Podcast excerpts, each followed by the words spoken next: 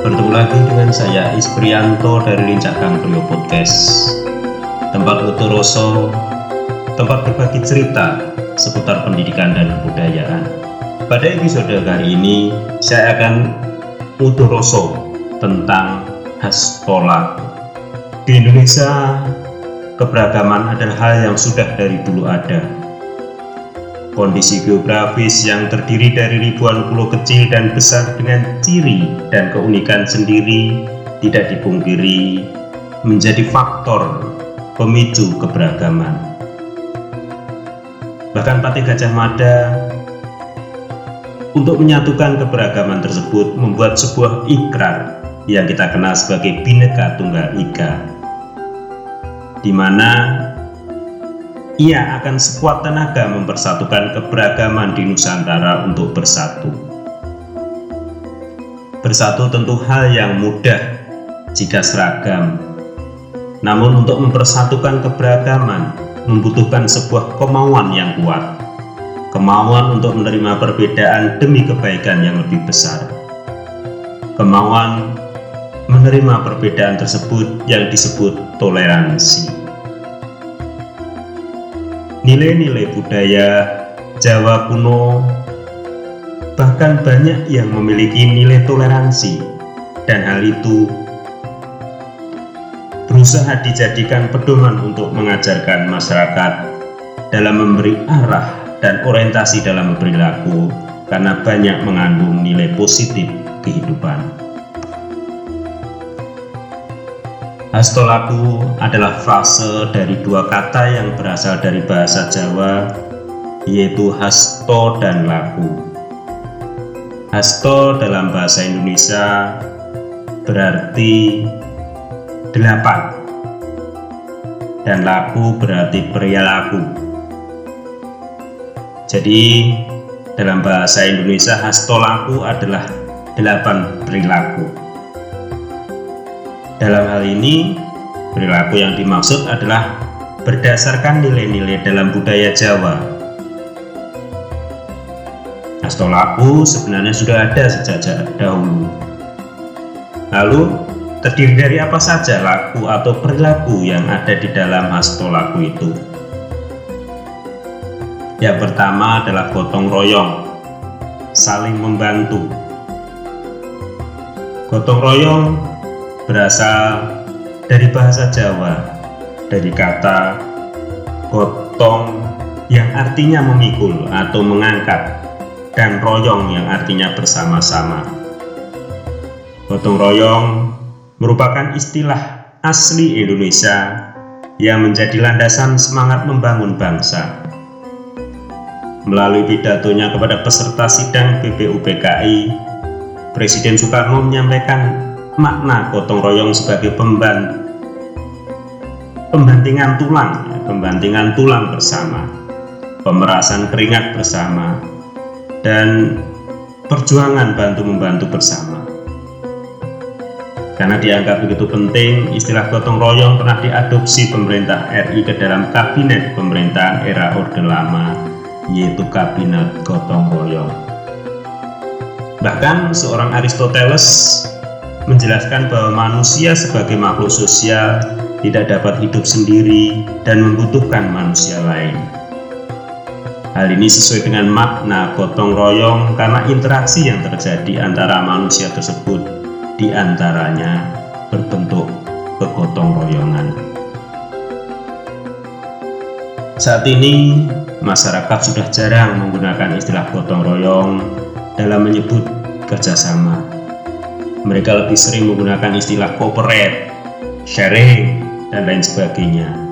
Padahal semua kegiatan tersebut merupakan bentuk gotong royong. Sehingga dapat dikatakan bahwa gotong royong tidak lekang oleh perubahan zaman. Kegiatan penggalangan dana, fundraising untuk membantu korban bencana alam, misalnya, merupakan istilah modern yang menggunakan konsep gotong royong. Nilai-nilai gotong royong sebagai budaya Indonesia merupakan bentuk solidaritas sosial. Contohnya, kegiatan bersih desa, kerja bakti, dan kira budaya sudah ada sejak zaman dahulu, bahkan sudah menjadi salah satu karakter bangsa yang turun-temurun diwariskan yang di dalamnya kaya akan nilai edukatif. Gotong royong adalah simbol persatuan yang dikenal luas di Indonesia, bukan hanya di Jawa. Di masyarakat Gayo juga mengenal tradisi kuru, sebuah adat dalam pernikahan yang melibatkan keluarga besar. Gotong royong merupakan sikap prososial yang menguntungkan orang lain atau bersama sehingga merupakan warisan yang perlu dijaga dan dilestarikan. Melalui kecanggihan teknologi, nilai gotong royong akan tetap terpelihara saat seseorang mampu memanfaatkan kemajuan zaman untuk tujuan sosial yang positif. Gerakan sosial dalam membantu dan menggalang dukungan ataupun penggalangan dana melalui media sosial adalah salah satu contohnya. Perilaku yang kedua adalah guyup rukun atau kerukunan. Guyup rukun secara bahasa berasal di kata berguyup yang artinya berkumpul, berkelompok, yang dapat bermakna pula sebagai rukun. Ini ada di dalam kamus eh, kamus besar bahasa Indonesia. Guyup artinya kebersamaan, sedangkan rukun bermakna keselarasan. Kehidupan tanpa adanya perselisihan, tanpa adanya pertikaian, dan tanpa adanya konflik. Jika digabung, guyup rukun adalah sebuah kondisi situasi yang damai, selaras tanpa adanya pertikaian yang dijaga secara bersama-sama. Bagi masyarakat Jawa, guyup rukun dibutuhkan bukan untuk menciptakan keselarasan sosial, tetapi agar tidak mengganggu keselarasan yang sudah ada. Secara leksikal atau sesungguhnya, kerukunan bisa disamakan dengan kata harmoni yang dalam bahasa Inggris kerap diasosiasikan dengan interreligious harmony atau kerukunan antar umat beragama. Budaya Jawa mengenal patah rukun agawa sintoso, cerah agawi bubrah, yang berarti bahwa kerukunan akan menciptakan kedamaian, keharmonisan, dan kesejahteraan. Sedangkan pertikaian akan menciptakan perpecahan dan tidak ada harmonisasi antar sesama. Guyup rukun adalah situasi ideal di mana masyarakat hidup dalam keharmonisan, bukan karena semua sama, tetapi mampu menyelaraskan keberagaman di dalam situasi yang diperjuangkan bersama. Guyup rukun hanya dapat dicapai jika keseluruhan komunitas masyarakat menjaga kestabilan dalam keharmonisan. Kerukunan berarti hidup dalam suasana baik dan damai, tidak bertengkar dan bersepakat antar umat yang berbeda-beda, baik suku, agama, ras, etnis, dan lain sebagainya. Perilaku yang ketiga adalah gerapyak semana atau ramah tamah. Gerapyak artinya senang aru-aru, senang menyapa, dan semana berarti hangat dan mudah akrab. Grapya dan semana ditunjukkan dengan kebiasaan untuk menyapa kepada kenalan atau orang yang ditemui. Sikap grapya semana adalah sikap pada diri seseorang yang akrab dengan pergaulan seperti suka senyum, sopan, serta hormat dalam berkomunikasi, suka menyapa, serta suka membantu tanpa pamrih. Sikap grapya semana dapat menjadikan orang yang baru saja ditemui merasa nyaman dan tidak merasa terasing, serta dapat membunuh kejenuhan dan memecahkan kekakuan dan kebuntuan komunikasi. Sebagai pribadi yang senang berkelompok dan bersahabat, orang Jawa tidak bisa hidup menyendiri. Mereka bersosialisasi dengan orang lain untuk menjaga kenyamanan hidup. Oleh karena itu, mereka selalu mencoba menambah kerabat atau kenalan dan berusaha mempertahankan kekerabatannya dengan membentuk diri sebagai pribadi yang gerapyak dan semana. Gerapyak semana perlu ditanamkan sejak kecil, karena secara tidak langsung dapat meredam amarah jika sedang emosi. Amarah yang terjadi tidak diluapkan dengan cara yang tidak benar, Hal ini mengurangi risiko seseorang terkena hukuman di lingkungannya. Nilai positif dari seseorang yang memiliki sikap ramah tamah adalah dia memilih mempunyai banyak sahabat atau saudara daripada memiliki banyak musuh.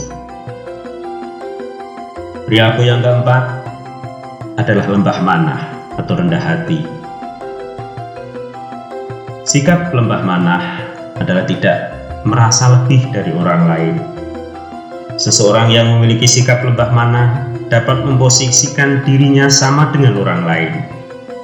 Tidak merasa lebih pintar, tidak merasa lebih mahir, tidak merasa lebih baik, atau menyombongkan jabatan yang dimilikinya sehingga dapat menghargai orang lain.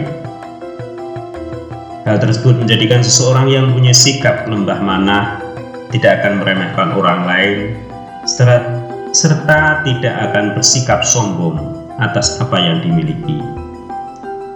Seseorang yang telah memiliki sikap lembah manah atau rendah hati, memandang orang lain sama sebagai ciptaan Tuhan yang memiliki keistimewaan dan keunikan masing-masing, sehingga dapat merasakan pentingnya orang lain dalam kehidupannya. Perbedaan yang ada merupakan suatu hal yang seharusnya dihargai. Rendah hati bukan berarti harus merendahkan diri dan menutup diri, akan tetapi dapat mendengarkan, berbagi, serta berempati dengan orang lain sehingga akan terjalin hubungan dua arah yang harmonis.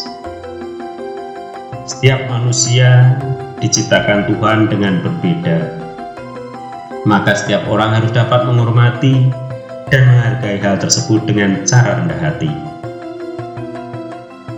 Sikap lembah mana sudah mulai hilang pada saat ini. Bisa dilihat bahwa orang lain lebih mementingkan dirinya sendiri tanpa melihat kepentingan orang lain. Jika sifat lembah mana ini dimiliki setiap orang, maka proses bersosialisasi di masyarakat akan berjalan dengan baik Seseorang yang memiliki sikap lembah mana akan punya banyak teman karena ia dapat menghargai orang lain. Orang lain menganggap bahwa orang yang memiliki sikap lembah mana dapat memberikan dampak positif dalam pertemanannya. Selain itu, orang lain juga lebih simpatik dan lebih menghormati. Hal ini dikarenakan seorang yang memiliki sikap lembah mana tidak pernah menyombongkan kelebihan yang dimilikinya, karena sikap sombong tidak disukai oleh banyak orang. Sikap lembah manah yang juga dapat menjadikan hati seseorang menjadi lebih tentram dan tenang karena tidak menyombongkan apa yang dimilikinya. Seseorang yang memiliki sikap lembah manah akan mendengarkan dan menerima pendapat, saran, serta kritik dari orang lain Lembah mana dapat mengajarkan seseorang untuk tidak berprasangka buruk kepada orang lain yang memberi, memberi pendapat, saran, serta kritik untuk dirinya. Dan selalu berprasangka baik bahwa yang orang lain lakukan itu untuk menjadi lebih baik di masa yang akan datang. Seseorang yang memiliki sikap lembah mana akan sangat peduli dengan perasaan orang lain. Ketika melakukan kesalahan, berani bertanggung jawab mengaku kesalahannya, serta meminta maaf baik kesalahannya disengaja maupun tidak sengaja dan tidak melempar kesalahannya kepada orang lain karena jabatan yang dimilikinya lebih tinggi.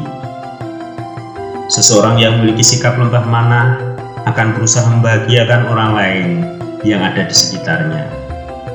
Hal tersebut dapat ditunjukkan dengan cara memberikan apresiasi pada kelebihan orang lain yang tidak kita miliki. Seseorang yang memiliki sikap ini dapat lebih dicintai dan dihormati orang lain. Senyum ringan tak bersuara, tapi penuh dengan makna.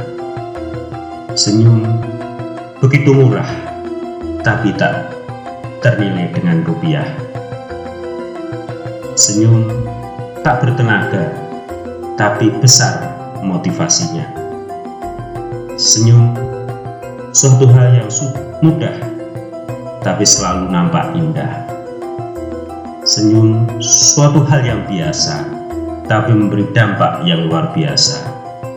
Senyum ibadah termudah, tapi setara dengan sedekah. Senyum sangat sederhana, tetapi dapat mencerahkan suasana. Tersenyumlah agar semua terasa indah, meskipun hidup tak begitu mudah. Saya Julianto, terima kasih. Sampai bertemu pada Hastolaku bagian berikutnya. Wassalamualaikum warahmatullahi wabarakatuh.